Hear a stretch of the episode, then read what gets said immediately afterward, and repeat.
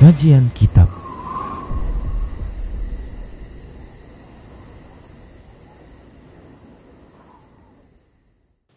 Bismillah, Assalamualaikum warahmatullahi wabarakatuh.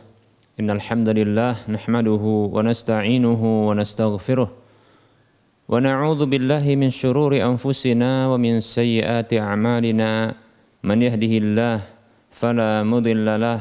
Wa man yudlilhu fala hadiyalah وأشهد أن لا إله إلا الله وحده لا شريك له وأشهد أن محمدا عبده ورسوله ورسوله صلى الله عليه وسلم. قال الله تعالى يا أيها الذين آمنوا اتقوا الله حق تقاته ولا تموتن إلا وأنتم مسلمون.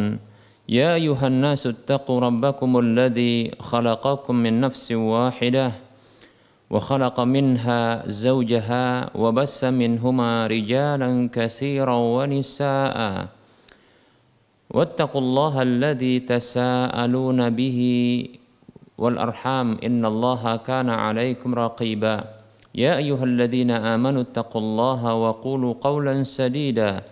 يصلح لكم أعمالكم ويغفر لكم ويغفر لكم ذنوبكم.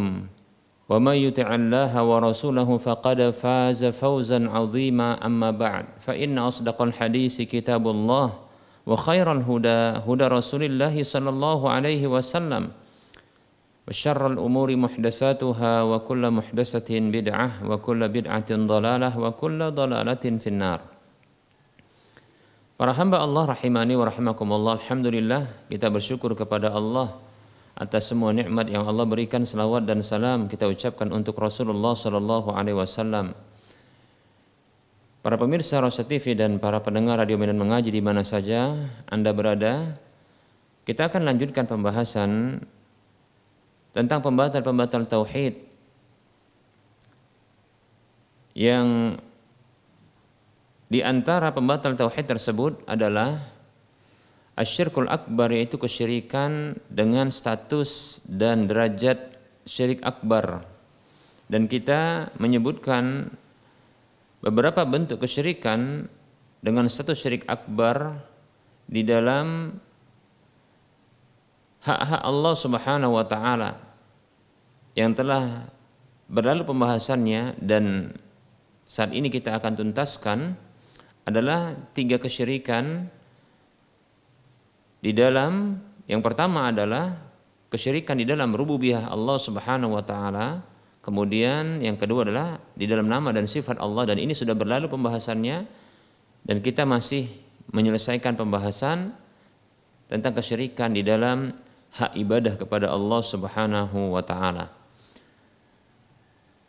Kita telah juga sebutkan bahwa ibadah itu terbagi menjadi dua yaitu ibadah doa umal eh, doa ul masalah dan yang berikutnya adalah doa doa al ibadah demikian dan ini yang akan kita tuntaskan. Doa di dalam uh, doa ibadah di antaranya adalah ya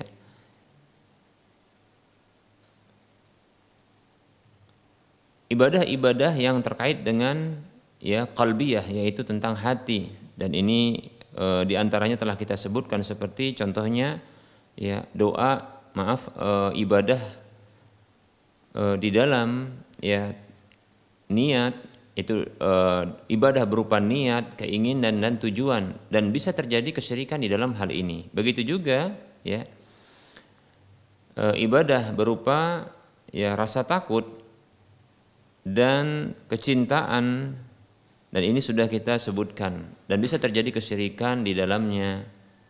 Nah, berikutnya kita akan bahas berikutnya adalah ya ibadah berupa ar-raja yaitu harapan. Dan ini juga pernah kita uh, bahas dahulu ketika membahas tentang ya tauhid uluhiyah ya yang di antara uh, pembahasan itu adalah tentang ibadah kepada Allah Subhanahu wa taala.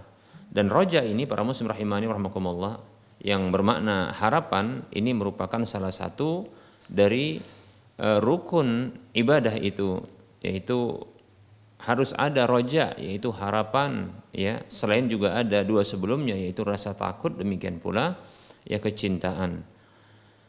Nah, para muslim rahimani rahimakumullah, kesyirikan di dalam harapan ini yaitu terjadinya ya harapan itu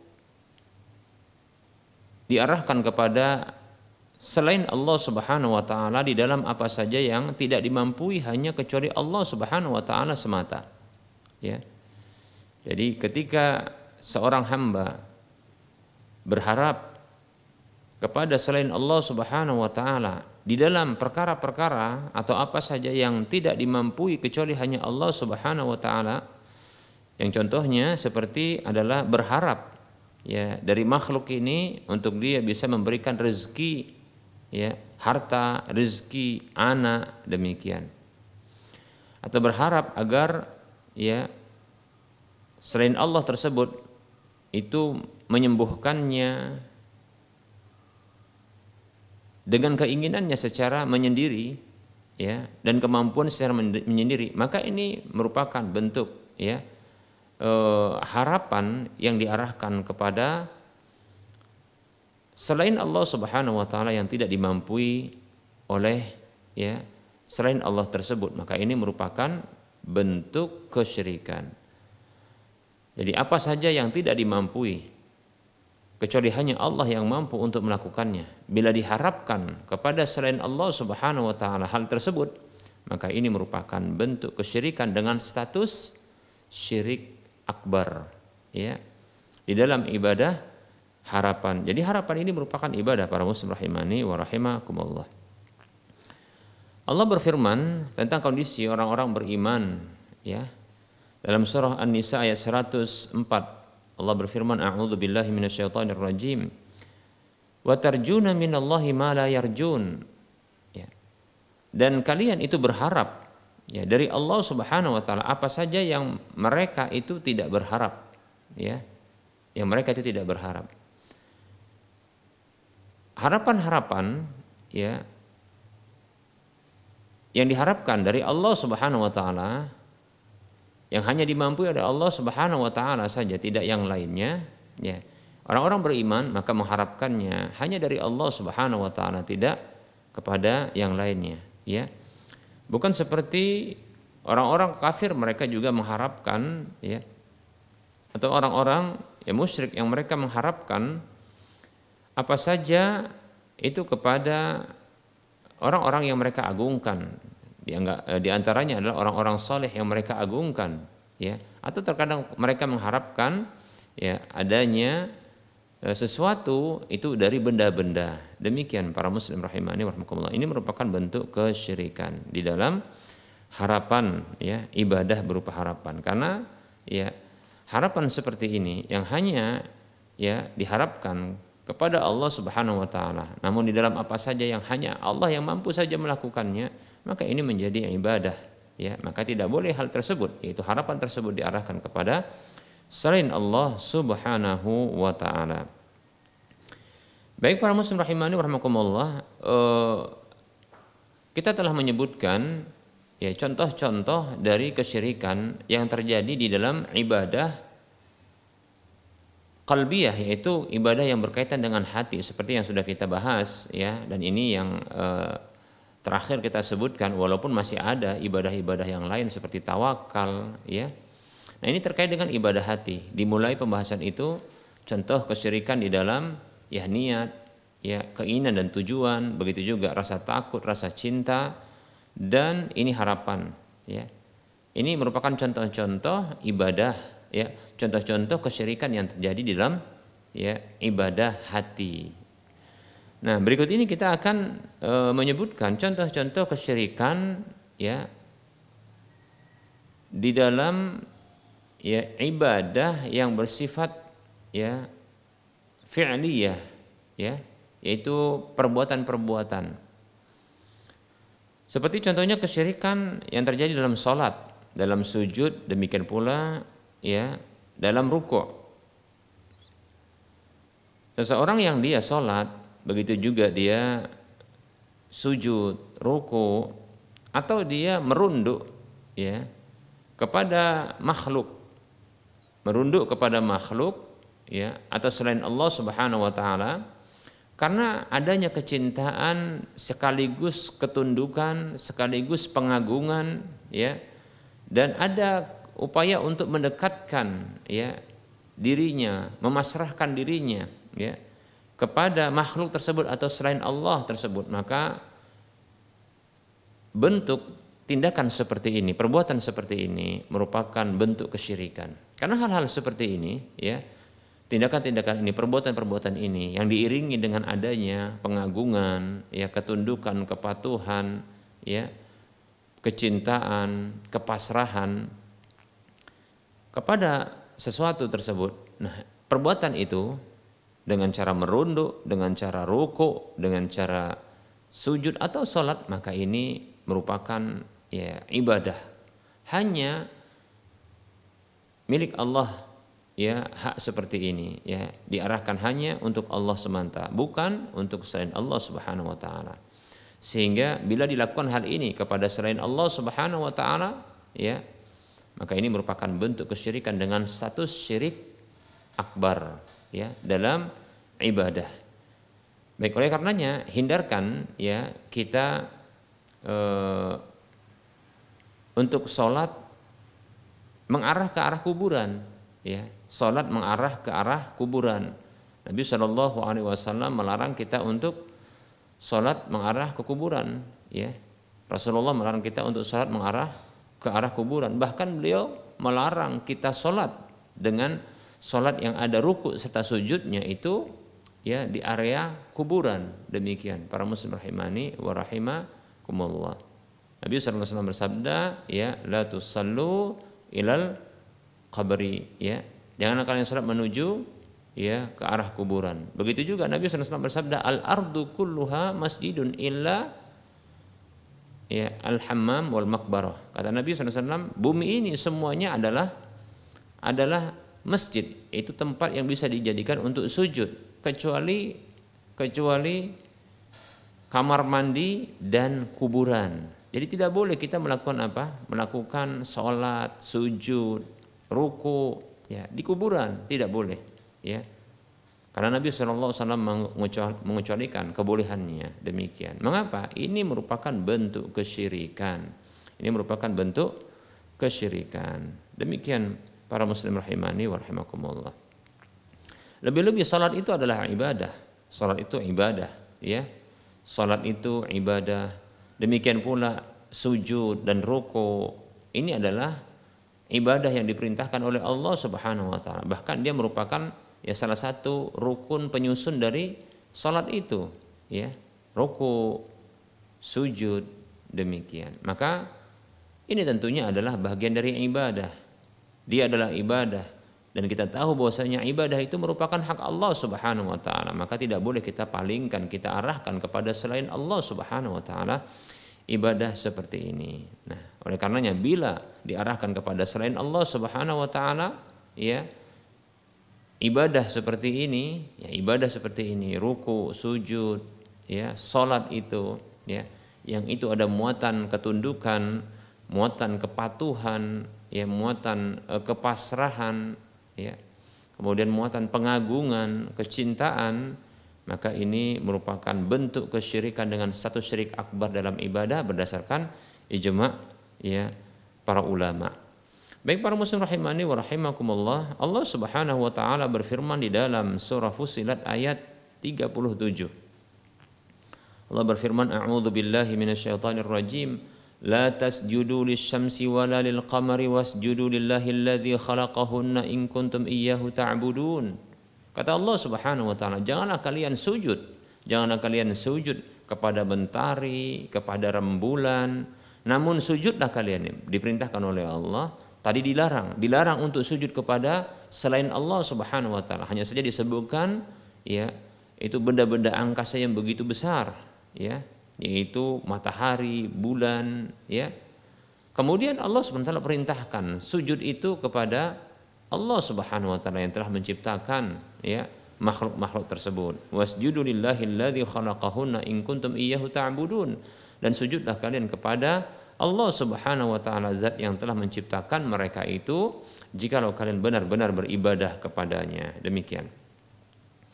Begitu juga Allah Subhanahu wa taala berfirman di dalam surah Al-An'am ayat 162 Allah mengatakan a'udzu billahi minasyaitonir rajim Qul inna salati wa nusuki wa mahyaya wa mamati lillahi rabbil alamin. La syarika lahu.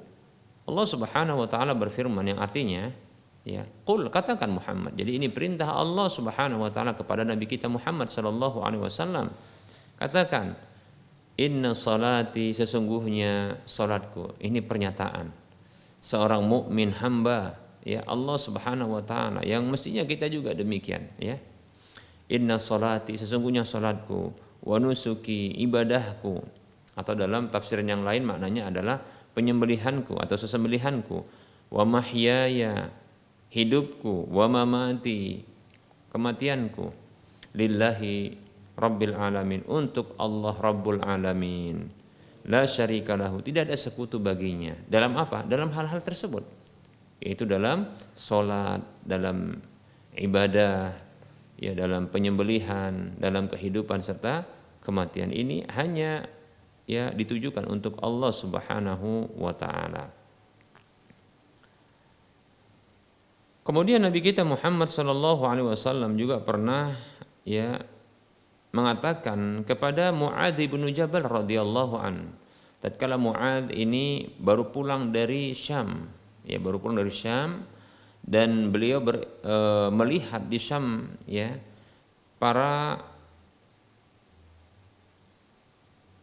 ahlul kitab ya mereka menghormati tokoh-tokoh agamanya dengan cara sujud ya. Maka Nabi Shallallahu Alaihi Wasallam ya mendapatkan tindakan Mu'adz radhiyallahu an itu sujud kepadanya. Ya sujud kepadanya.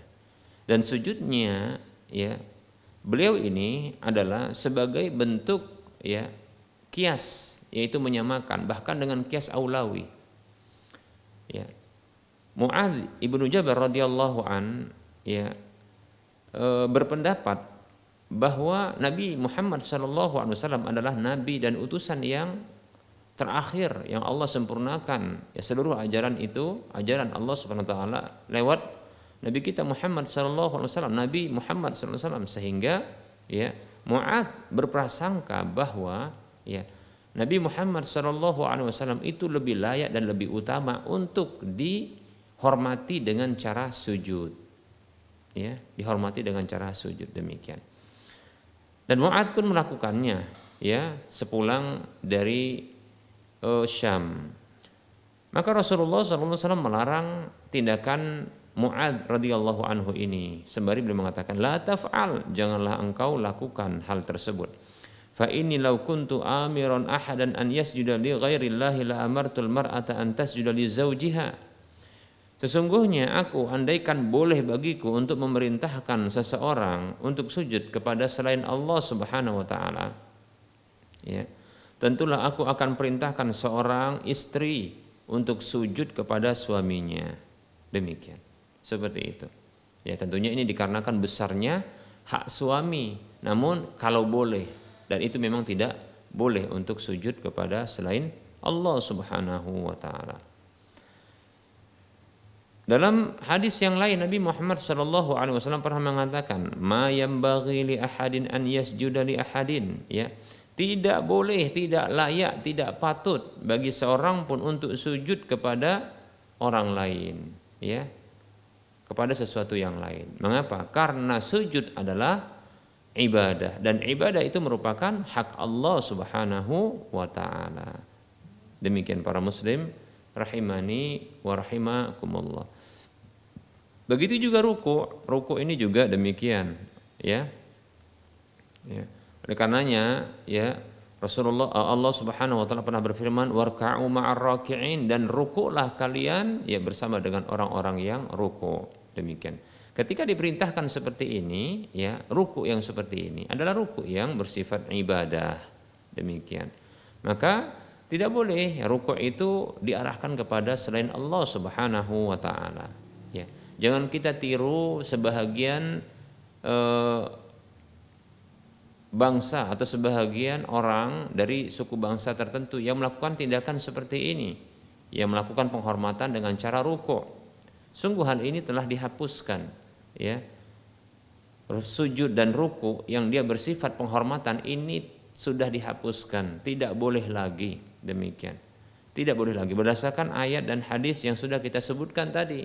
Bahwasanya hal ini telah di hapuskan, tidak dibenarkan lagi untuk diarahkan kepada makhluk dengan alasan penghormatan, tidak lagi demikian. Itu hanyalah syariat umat sebelum kita. Demikian. Seperti contohnya iblis ya laknatullah alaihi itu diperintahkan oleh Allah untuk sujud kepada Adam, maksudnya adalah penghormatan. Begitu juga ya uh, ayah dari dan keluarga dari Nabi Yusuf alaihissalam yang menghormati Nabi Yusuf yang ketika itu menjadi raja ya, dengan cara sujud ketika itu. Demikian. Nah ini beserta yang lainnya. Ini merupakan syariat ya umat sebelum Nabi kita Muhammad Shallallahu Alaihi Wasallam. Dan ini telah dihapus dengan uh, surat Fusilat ayat 37 demikian pula hadis yang kita sebutkan terkait dengan tindakan Mu'ad ibnu Jabal radhiyallahu anhu. Demikian para muslim rahimani wa rahimakumullah ya. Nah, lebih-lebih kalau itu sudah dihapuskan tentunya ruku yang lebih ringan dari itu juga tentunya ini ya dihapuskan ya. Artinya tidak boleh tidak dibolehkan karena ini merupakan juga ibadah. Ya, tadi sudah kita sebutkan firman Allah warka'u ma'ar dan rukulah bersama dengan orang-orang yang ruku. Ini menunjukkan bahwasanya ruku itu adalah ibadah. Ya, jangan kita contoh, jangan kita contoh sebagai tindakan dari orang-orang ya dari suku bangsa tertentu.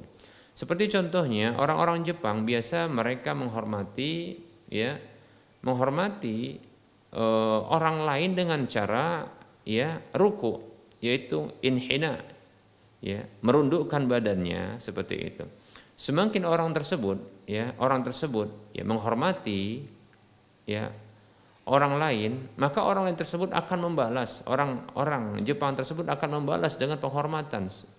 Ya seperti itu pula. Demikian, ya. Begitu juga jangan seperti sebahagian uh,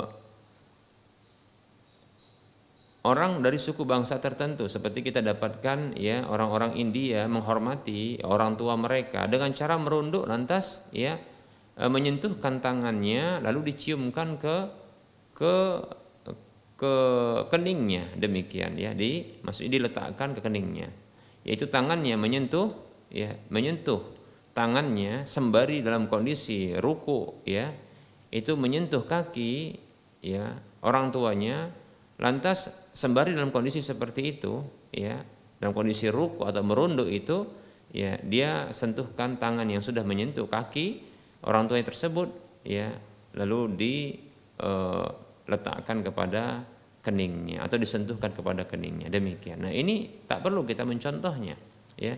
Ini merupakan bentuk kekeliruan, ya, bentuk penghormatan yang keliru karena hal ini telah dihapus demikian, ya. Baik para muslim rahimani warahmatullah sehingga ya eh, setelah kita mengetahui bahwa merunduk ini yang bentuk ya posisinya itu mirip dengan ruko ya. Sebagai bentuk penghormatan ini telah dihapus dan telah di, dilarang ya. Maka hendaknya kita tidak melakukan tindakan-tindakan yang semisal dengan itu ya. Seperti contohnya adalah ya e, perilaku ya atau perlakuan atau kebiasaan ya sungkeman ya. Sungkeman yaitu dengan cara ya merundukkan ya badan bahkan lebih posisinya seperti posisi orang yang sedang duduk di antara dua sujud. Ya demikian. Atas dia merundukkan badannya kepada kedua orang tuanya ya untuk meminta maaf tatkala dia memiliki salah. Demikian ya. Maka sebenarnya tindakan seperti ini ya tindakan seperti ini ya ini adalah tindakan yang keliru. Niatnya bagus Apa niatnya? Niatnya adalah untuk meminta maaf. Ya, ketika bersalah demikian. Namun kesalahannya adalah ya mengaplikasikan niat yang baik tersebut dengan cara yang keliru, dengan cara yang tidak benar, yaitu dengan cara yang keliru. Ya. Bila kita minta maaf kepada, bila kita ya bersalah kepada orang tua dan kita ingin minta maaf kepada orang tua, ya cukup kita ya bisa dengan cara memeluknya, ya, mencium tangannya, mencium pipinya, ya, mencium keningnya, sembari minta maaf kan begitu. Menangis ya dalam pelukan orang tua tanpa harus kita melakukan ya tindakan-tindakan seperti ini. Merunduk sujud demikian ya. Nah ini tindakan yang keliru. Dan anehnya setelah melakukan hal-hal seperti ini bahkan ada yang lebih ekstrim. Walaupun kita katakan secara eh, syariat ini tidak menyalahi sampai jatuh kepada kesyirikan. Yaitu mencuci kaki ibunya lantas diminum ya bekas cucian tersebut. Nah, ini ekstrim kita katakan. Ya dan anehnya kita katakan ya setelah itu pun melakukan kesalahan kembali ya. Demikian. Maka sebenarnya tidak perlu kita melakukan hal-hal yang yang sebenarnya berlebihan seperti ini ya tidak perlu kita melakukan ya e, tindakan yang berlebihan seperti ini. Ketahui sesungguhnya berlebihan dalam agama ini dilarang. Demikian ya. La taghlu fi dinikum. Janganlah kalian berlebihan dalam agama kalian. Demikian. Bahkan Rasulullah mengatakan halakal mutanatti'un halakal mutanatti'un halakal mutanatti'un. Ya. Telah binasa orang-orang yang ya yang berlebih-lebihan. Telah binasa orang-orang yang berlebih-lebihan itu telah binasa ya. Celakalah orang-orang yang binasa tersebut. Demikian ya. Jangan berlebihan ya. Niat yang bagus ya meminta maaf ya itu bagus sekali. Salah lalu meminta maaf itu perkara yang bagus dan niat yang bagus ya. Namun caranya juga harus bagus demikian. Jangan sampai menyalahi syariat. Sujud ruku ya. Demikian Cukup dengan ya e, memeluknya sembari menangis kan begitu ya. Kemudian bisa sembari e, dalam kondisi seperti itu mencium pipinya ya. Maka ini lebih utama ya kita katakan ya. Daripada sekedar hanya sungkeman ya begitu atau mencium kaki ya. Begitu juga ya membasuh kaki orang tua lantas meminumnya ya gimana kalau seandainya banyak bakteri dan kuman yang terminum ketika itu. Ini kan tindakan yang berlebihan. Demikian para muslim rahimani wa rahimakumullah. Nah, apabila memalingkan ya salah satu bentuk-bentuk ibadah seperti ini kepada selain Allah Subhanahu wa taala, maka ini merupakan bentuk kesyirikan. Bentuk kesyirikan dengan status syirik akbar demikian ya. Oleh karenanya hendaknya kita menjauhi tindakan-tindakan seperti ini. Kembali kita katakan, ya, niat yang baik, ya, niat yang benar itu butuh untuk ya diaplikasikan, ya, dibuktikan dengan cara yang benar. Demikian, ya. Cara yang benar adalah cara yang diajarkan oleh Rasulullah Shallallahu Alaihi Wasallam dan itu merupakan ajaran Allah Subhanahu Wa Taala. Demikian para muslim rahimani wa rahimakumullah.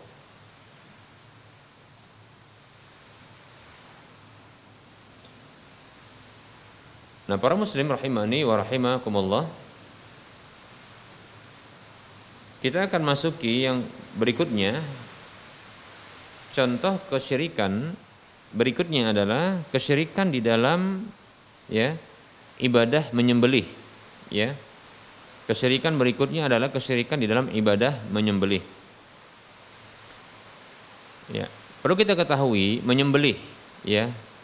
Menyembelih e, ungkapan ini tidak perlu kita e, jelaskan menyembelih ya. Ini insya Allah se sebuah ungkapan yang kita pahami ya, yaitu memotong dengan alat yang tajam itu pada leher hewan itu menyembelih ya. Demikian. Nah menyembelih ini asalnya ada e, empat macam. Yang pertama adalah menyembelih hewan ya yang boleh dimakan dagingnya itu dalam rangka beribadah kepada Allah Subhanahu wa taala dan mengagungkan Allah Subhanahu wa taala. Ini seperti contohnya ya penyembelihan di hari-hari raya kurban ya, begitu juga menyembeli ya hewan-hewan dalam manasik haji ya. Demikian begitu juga menyembeli untuk bersedekah ya kepada fakir, miskin ya. Begitu juga menyembeli hewan untuk akikah ya maka ini disyariatkan bahkan eh, ini merupakan ibadah yang agung ya yang wajib diarahkan kepada selain Allah Subhanahu wa taala demikian baik yang kedua adalah menyembelih hewan menyembelih hewan yang boleh dimakan untuk ditujukan kepada tamu ya untuk kepada tamu. Baik itu tamu yang datang ke rumahnya atau tamu dalam undangan makan, ya. Seperti ya undangan pernikahan, ya. Undangan pernikahan, ya. Begitu juga ya undangan eh, akikahan dan yang lainnya. Maka ya hal ini adalah penyembelihan yang dianjurkan, ya, penyembelihan yang dia diperintahkan. Bisa jadi bersifat wajib, bisa juga bersifat anjuran atau sunat. Demikian para muslim rahimani wa rahimakumullah. Berikutnya para muslim rahimani wa rahimakumullah ya. Yang ketiga adalah menyembelih hewan yang boleh dimakan dagingnya ini untuk diperdagangkan atau untuk dijual belikan ya atau untuk di uh, khusus dimakan untuk pribadinya ya atau contohnya ketika uh, untuk uh, karena sebuah hal yang menyenangkan karena baru saja mungkin pindah rumah ya. Atau hal yang lainnya ya. Maka hukum asalnya yang seperti ini adalah dibolehkan ya. Ini menyembelih hewan yang eh, boleh dimakan hewan tersebut dagingnya ya untuk urusan-urusan duniawi diperdagangkan ya untuk dimakan dan seterusnya maka yang seperti ini adalah hukum asalnya boleh demikian bahkan bisa jadi juga ini satu yang dituntut untuk e, dilakukan, ya, dituntut untuk dilakukan. Contohnya adalah bisa jadi dengan cara seperti ini dia akan mendapatkan e, dia bisa mencari nafkah dengan cara seperti ini demikian. Bisa juga dilarang, ya, bisa juga dilarang ketika e, barangkali, ya, ya menyembelih yang seperti ini, ya, ini akan Eh, ternyata berakibat buruk bagi dirinya. Contohnya ternyata e, menurut kesehatan ya e, dari dokter yang e, menyarankan agar ya dia menjauhi makanan-makanan yang e, berasal dari daging-daging demikian. Karena ini akan memicu ya e, penyakit bawaannya untuk kembali muncul pada dirinya demikian. Ya seperti itu. Bisa jadi itu dilarang karena memang memudaratkan dirinya. Demikian ya. Nah ini tentunya sesuai dengan eh, apa yang diakibatkan darinya. Atau ini menjadi sarana untuk sebuah tujuan tertentu. Kalau dia sesuatu yang dilarang maka hal seperti itu dilarang kalau dia sesuatu yang dianjurkan maka ini menjadi sesuatu yang dianjurkan demikian para muslim rahimani wa rahimakumullah Berikutnya adalah yang keempat, menyembelih ya. Menyembelih hewan itu untuk ya eh, mendekatkan diri dan memasrahkan dirinya dan bentuk mengagungkan kepada eh, makhluk selain Allah Subhanahu wa taala ya. Seperti contohnya ya menyembelih hewan ya untuk mengagungkan Eh, penunggu tempat keramat di wilayah tersebut ya. Ada orang yang biasa menyembelih ya ketika hendak menyembelih hewan itu ketika contohnya adalah uh, baru saja hendak membangun rumah demikian. Ya ini kadang menyembelih hewan ya. Begitu juga hendak membangun jembatan-jembatan atau bangunan-bangunan yang tinggi. Demikian. Maka ini juga ada menyembelih hewan seperti itu. Begitu juga ya sebahagian ya kaum muslimin yang mereka ini menyembelih ya kerbau lalu kepalanya nanti dilarungkan ke ke laut kidul ya laut selatan. Demikian. Nah ini bentuk pengagungan kepada selain Allah Subhanahu wa taala. Begitu juga ya eh, bila contohnya ada seorang ya dianggap orang pintar atau orang yang memiliki ya keahlian khusus ya yang lebih mirip dengan dukun bahkan mungkin dia adalah dukun ya dia meminta untuk didatangkan beberapa hewan ya dengan jenis tertentu ya seperti contohnya ya hewan ayam ya beberapa ekor dengan warna tertentu warna hitam saja atau warna putih saja lantas nanti disembelih dan ini ditujukan bukan untuk Allah tapi untuk ya e, untuk jin-jin yang diagungkan menurutnya demikian. Maka ini merupakan bentuk ya beribadah kepada selain Allah Subhanahu wa taala. Karena ibadah seperti ini yaitu menyembelih ini seperti ini merupakan bentuk ya ibadah yang diiringi uh, penyembelihan yang diiringi dengan uh, pengagungan ya atau uh, pengagungan demikian pula ketundukan ya karena contohnya memang ada permintaan dari jin tersebut untuk menyembeli, maka yang seperti ini merupakan ibadah, ya. Penyembelihan seperti ini merupakan ibadah yang ditujukan kepada selain Allah Subhanahu wa taala, maka ya, maka jadilah jadilah ya tindakan tersebut merupakan kesyirikan dengan status syirik akbar ya dengan status syirik akbar di dalam ibadah khususnya penyembelihan ini. Dan hasilnya adalah ya sesembelihan tersebut yaitu hewan yang disembelih itu berhukum haram. Karena terhitung dia adalah bangkai yang disembelih untuk selain Allah Subhanahu wa taala. Maka tidak boleh untuk memakannya tidak boleh juga untuk menjualnya demikian ya Allah Subhanahu wa taala menyebutkan ya wa ma 'ala nusubi dan apa saja ya yang disembeli untuk selain Allah Subhanahu wa taala yaitu an-nusub yaitu berhala ya. Nusub artinya adalah berhala demikian ya. Allah Subhanahu wa taala berfirman dalam surah Al-Maidah ayat 3 ya.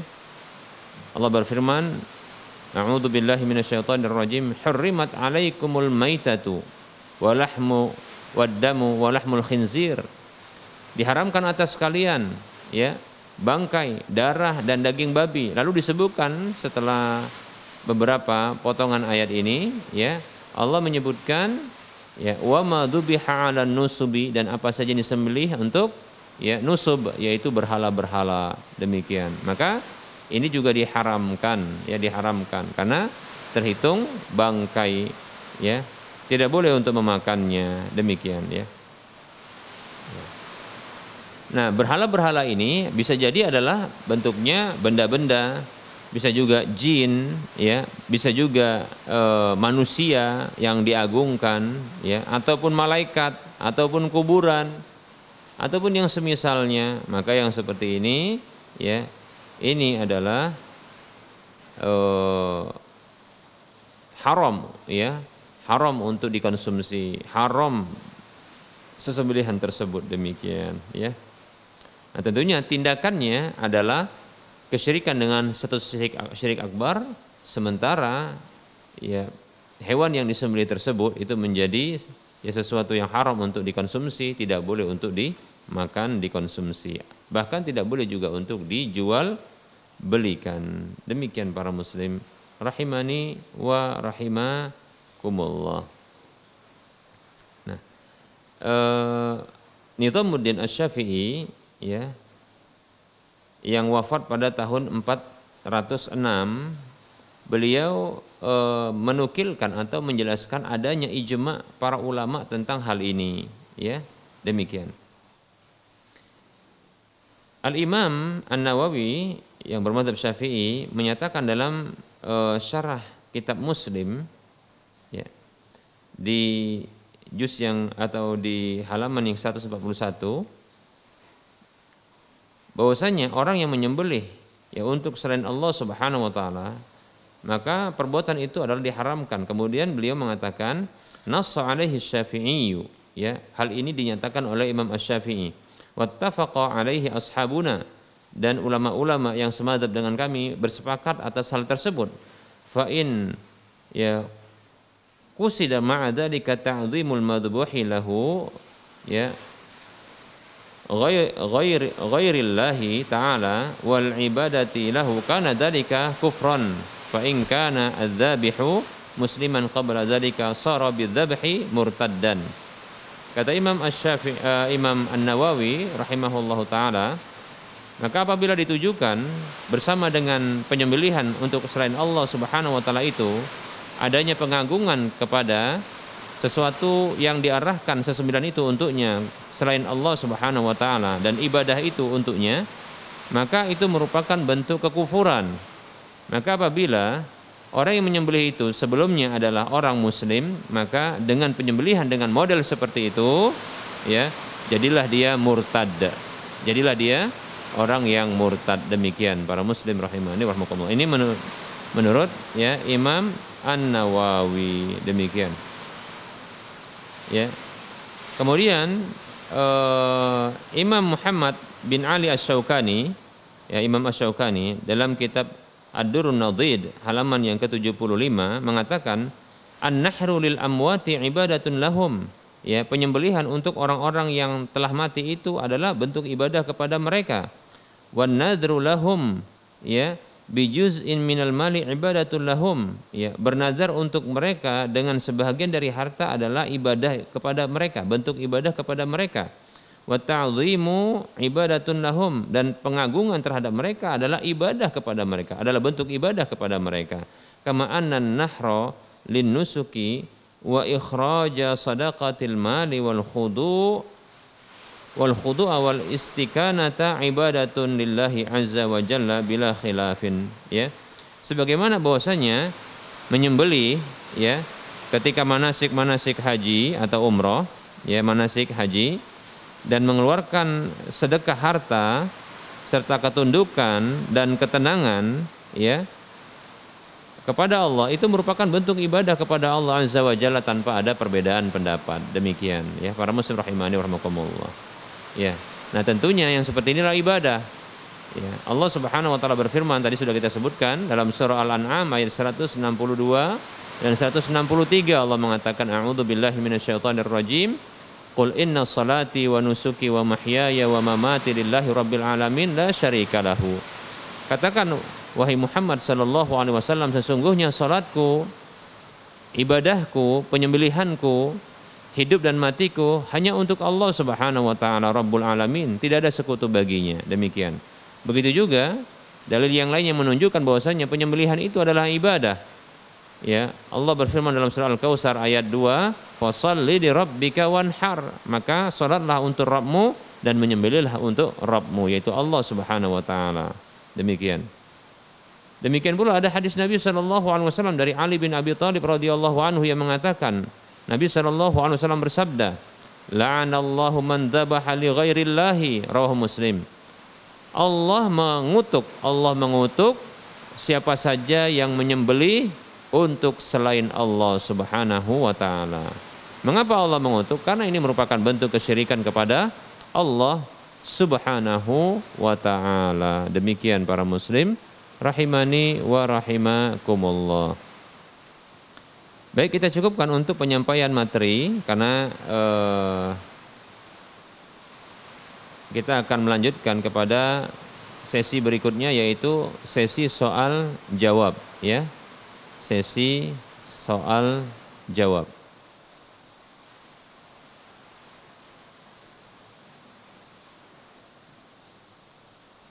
Baik para muslim rahimani wa rahimakumullah.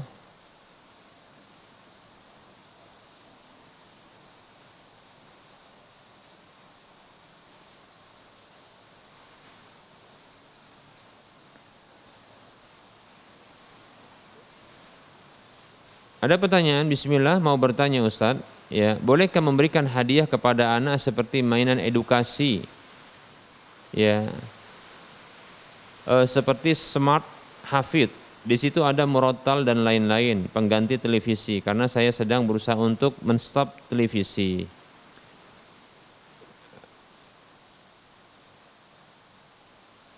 E, pertama, ya Di sini ada merupakan bentuk eh, gambar patung boneka ya, demikian.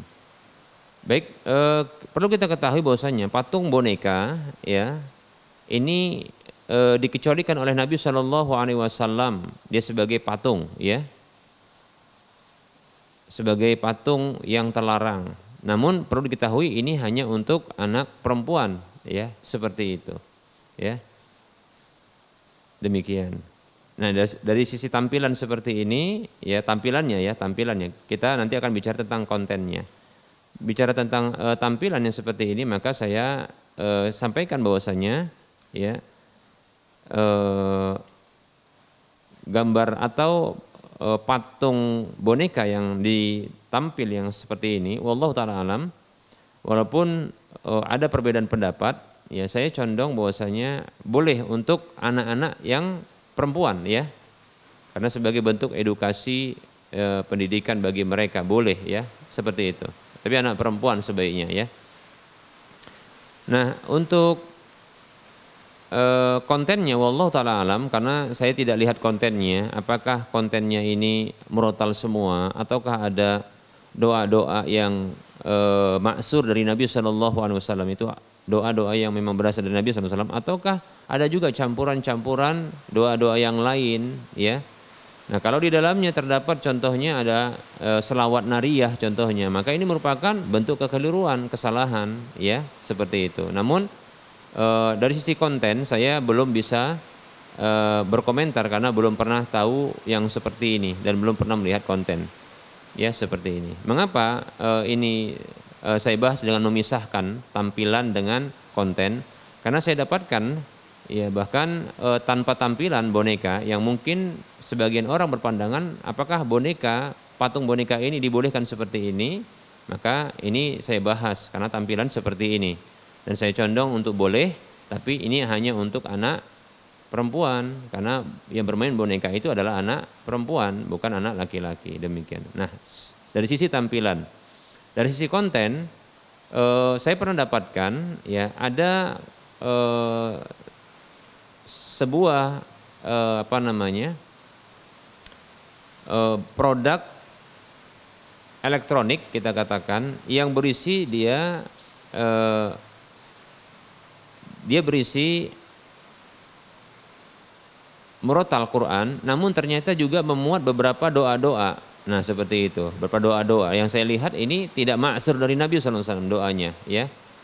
ya. Bahkan ada, ya wallahu alam, ya, eh, ada yang hal yang uh, saya kira butuh untuk diluruskan. Oleh karenanya bicara konten ini saya tidak uh, komentari karena saya belum mengetahui konten kontennya, ya.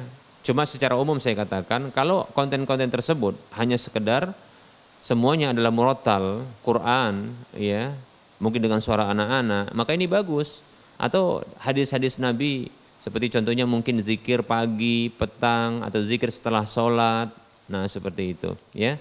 Atau contohnya eh, zikir ketika atau doa ketika keluar rumah dan seterusnya hal-hal yang e, maksur yaitu memang berasal dari Nabi SAW maka ini bagus. Namun kalau dicampur dengan hal-hal yang lain seperti contohnya ada selawat naria, tambah lagi mungkin ada suara musik-musik ya apa namanya nasyid-nasyid tapi ada musiknya, maka ini tentunya hal-hal yang sebaiknya untuk dihindarkan. Dicari saja yang aman. Wallahu taala alam.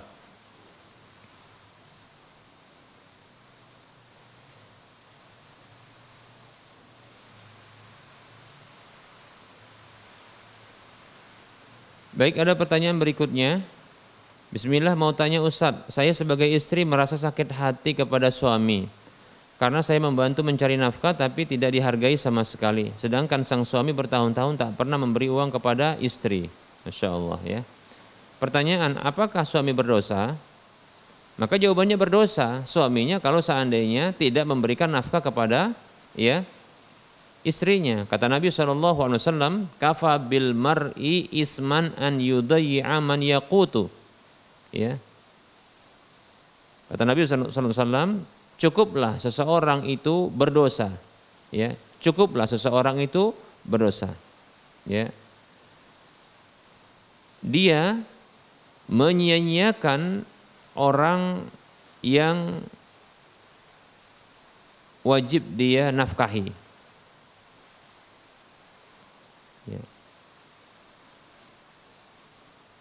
an yudayya man yaqutu demikian ini ya Cukuplah seseorang itu berdosa, dia menyanyiakan ya orang yang dia wajib nafkahi.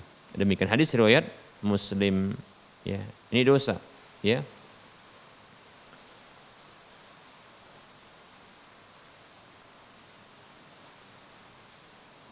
Begitu juga ya ada hadis Nabi Shallallahu Alaihi Wasallam kafa birrajuli isman an yahbisa amman yamliku qutahu.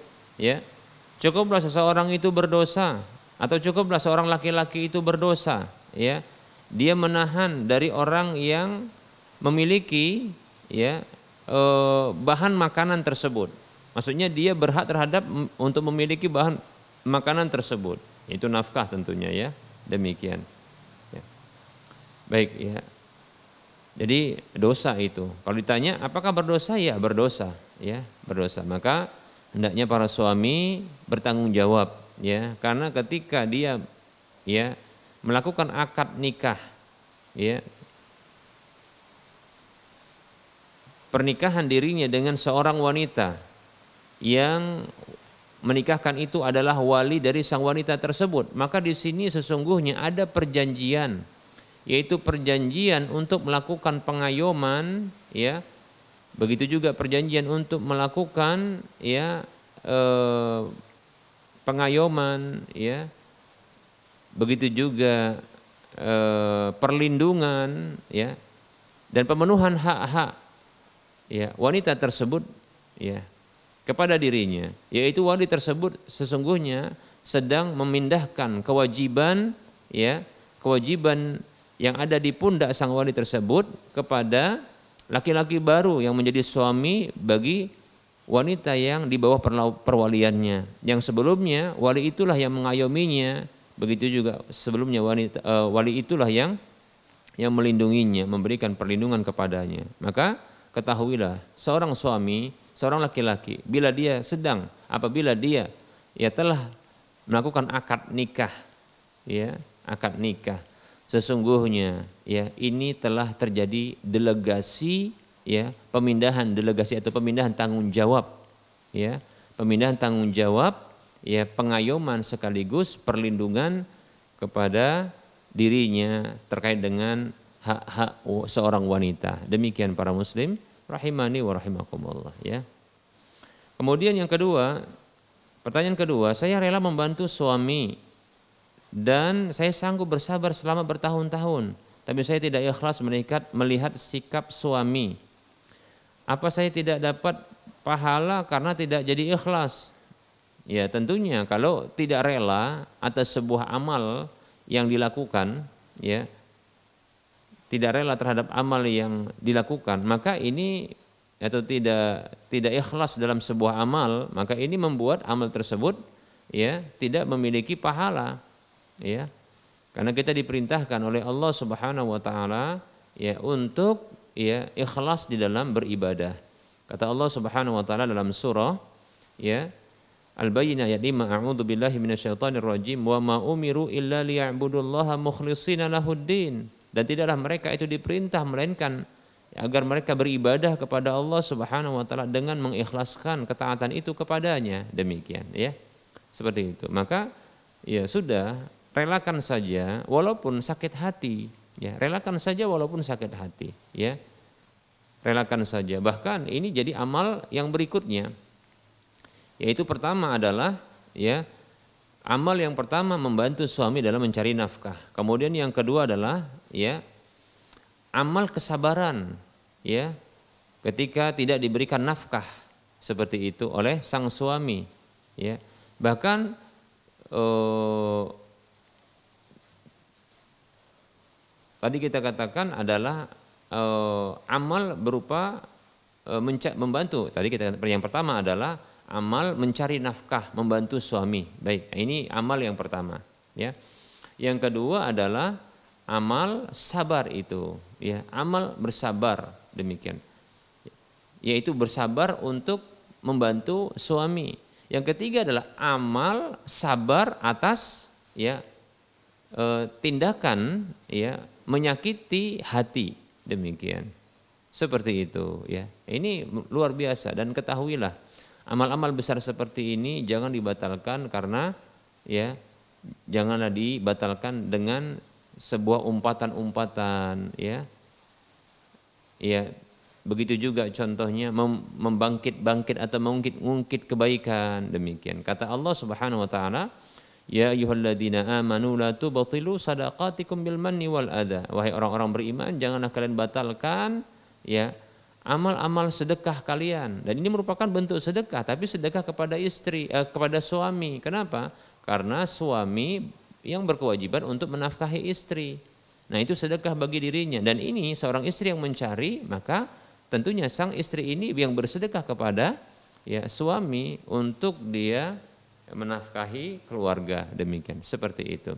Jangan batalkan ya pahala-pahala sedekah kalian itu dengan apa? Manni wal ada. Manni artinya adalah membangkit-bangkit dan mengungkit-ungkit pemberian atau kebaikan. Ada adalah menyakiti orang yang diberikan kebaikan tersebut. Jangan ya. Jaga ini. Nah, ya jaga amal besar ini demikian ya. Bahkan kalau bisa bersabar, masya Allah. Kata Allah Subhanahu Wa Taala dalam surah Az-Zumar ayat 10 Allah mengatakan, billahi rajim. Innama sabiruna hisab. Sesungguhnya dibalaslah pahala orang-orang yang sabar itu dibalaslah orang-orang sabar itu pahala mereka tanpa batas demikian sudahlah tadi dapat pahala ya membantu suami untuk mencari nafkah ya begitu berpahala pula lah untuk mengayomi anak-anak yang itu ditinggal eh, suami ya begitu ya. Katakanlah demikian tidak dapatkan perhatian dari sang suami. Begitu juga ya ternyata ada pahala sabar yang di sini ya yang luar biasa. Yang pahala tersebut ya itu balasannya tanpa batas demikian ya. Begitu. Maka jangan batalkan ya dengan ya eh, apa namanya eh, bangkitan ungkitan bahkan mungkin ya dengan eh, omelan demikian seperti itu. Baik. Wallahu taala alam. Kemudian pertanyaan ketiga jika saya bersabar juga ikhlas apakah pahala yang saya dapat? Tadi sudah saya katakan pahalanya banyak termasuk bahkan surga pahalanya. Ini balasannya insya Allah taala karena Allah yang mengatakan ya.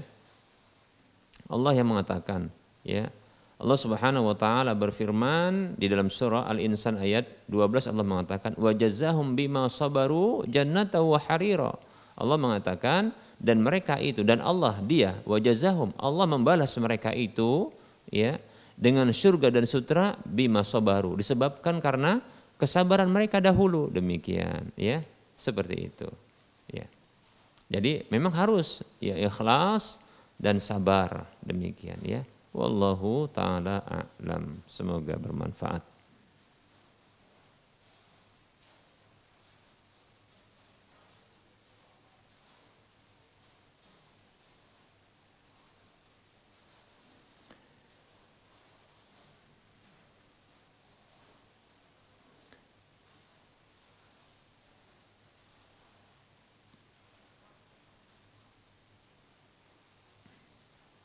Baik ya. Uh,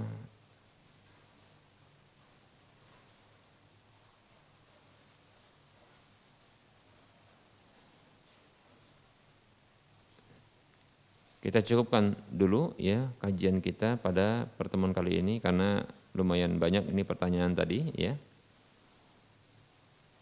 dari satu orang namun ada beberapa pertanyaan dan ini cukup mewakili dari penanya yang lainnya. Semoga bermanfaat